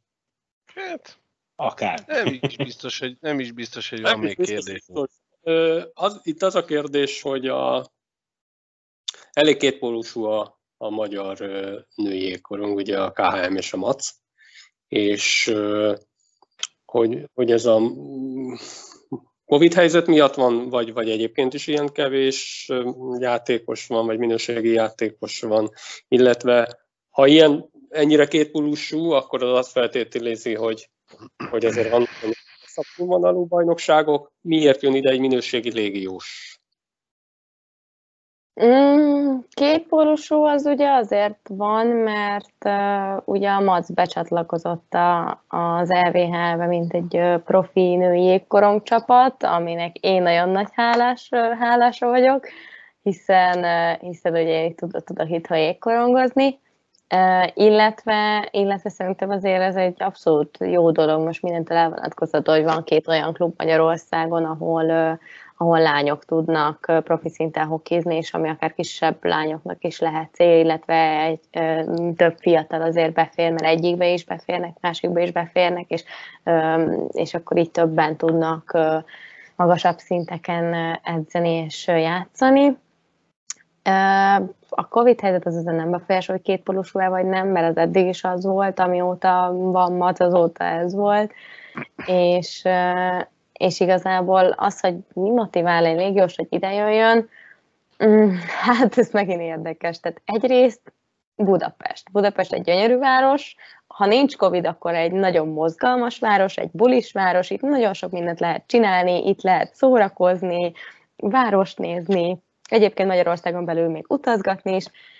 Tehát nem titok, hogy a tengerező légiósokat amúgy vonza abszolút egy ilyen buli mm, faktor is, hogy akkor ők ide eljönnek, és nekik egy tök jó évük van itt, ahol, ahol amellett, hogy folytatni tudják a jégkorongot, mert ugye azokat a légiósokat keresünk, meg hívjuk nagy többségében általában, akik mondjuk végeztek a kinti egyetemmel, és nem feltétlenül kapnak női NHL szerződést, hiszen ha azt kapnának, akkor minek jönnének tényleg ide, de mondjuk azért nyilván igyekszünk olyanokat keresni, vagy igyekeznek az edzők, mert akik ezzel foglalkoznak, akik azért, azért ügyesek abszolút, de mondjuk nem tudnának már ott feltétlenül egy nagyon jó helyen elhelyezkedni hokiban, de még nem is szeretnék abba hagyni a hokit, és akkor nekik tök jó, hogy ide jönnek, egy relatíve amúgy nem rossz ligába, tehát nem mondom rossznak ezt az EVH-t, tehát nem rossz ligába idejönnek, és egyébként ügyesek, de nem mondom azt, hogy két-három szinttel kiemelkednek, sőt, tehát abszolút ide valóak mondjuk, uh-huh. tehát hogy, hogy, hogy itt megállják a helyüket, de, de ennyi, tehát hogy ide valóak, és ügyesek itt köztünk, de de nem véletlenül nem a női hozunk, mert onnan nem tudunk hozni, tehát onnan nyilván minek jön ide valaki. És akkor nekik egy tök jó kaland, egy, egy abszolút felis, megismernek egy új helyet, új kultúrát, új embereket, és akkor ezzel jönnek ide. Szuper. Gondolj bele, oroszok lennének a buli miatt. Lennének az oroszok. Azt találnának minket is. Van egy német Az kollég... biztos. Van egy német kollégám, ő német harmadosztályban, vagy amatőr ligában hokizik, és vannak orosz csapattársai, és mondta, hogy egy üveg vodkát megisznek basszus meccset. Simán. És probléma nélkül a legjobbak a pályán. De gyönyörű végszó volt. Kezdem én. kezdtük azzal, hogy ti közben itt megisztok egy-két korsó sört, és fejeztük be már egy üveg vodkával, úgyhogy lényegében... De egyébként kezdem, most kezdtem megérteni, hogy annak idején Oreskin miért tudott olyan jól dölöngélni. Ugye? Tehát ő, most már meg, értem. Meg a ja. műtyeplakov. A műtyeplakov. Jó. Uh, hölgyeim és uraim, Magyarország egyik legjobb jégkorongozójával, női jégkorongozójával, Gasparics Fannival beszélgettünk. Nagyon szépen köszönjük a beszélgetést azt gondolom, hogy mondhatom mindannyiunk nevében, hogy jól éreztem magunkat, vagy jól éreztük magunkat. Örülünk, hogy megismertünk. Örülünk, hogy megismertünk, hogy beszéltünk, és van-e bármi, amit üzennél annak a rengeteg hallgatónak, meg nézőnek, aki itt ezt a fórumot nézi, hallgatja? Hát köszönöm a lehetőséget, én is örülök, hogy megismertelek titeket, és jó hangulatú beszélgetést bevettünk részt. Mit üzennék? Hát én azt üzenném, hogy, legyetek pozitívak, és nyitottak, és legyenek céljaitok, terveitek, és, és legyetek sikeresek az életben, és aki sportol, annak meg kitartást erre a helyzetre, és reméljük a legjobbakat, hogy mi hamarabb már tudunk nézők előtt játszani, illetve sportmérkőzésekre járni. Nagyon szépen köszönjük. Köszönjük. Sziasztok. Szépen. Szépen. Sziasztok. Sziasztok! Sziasztok.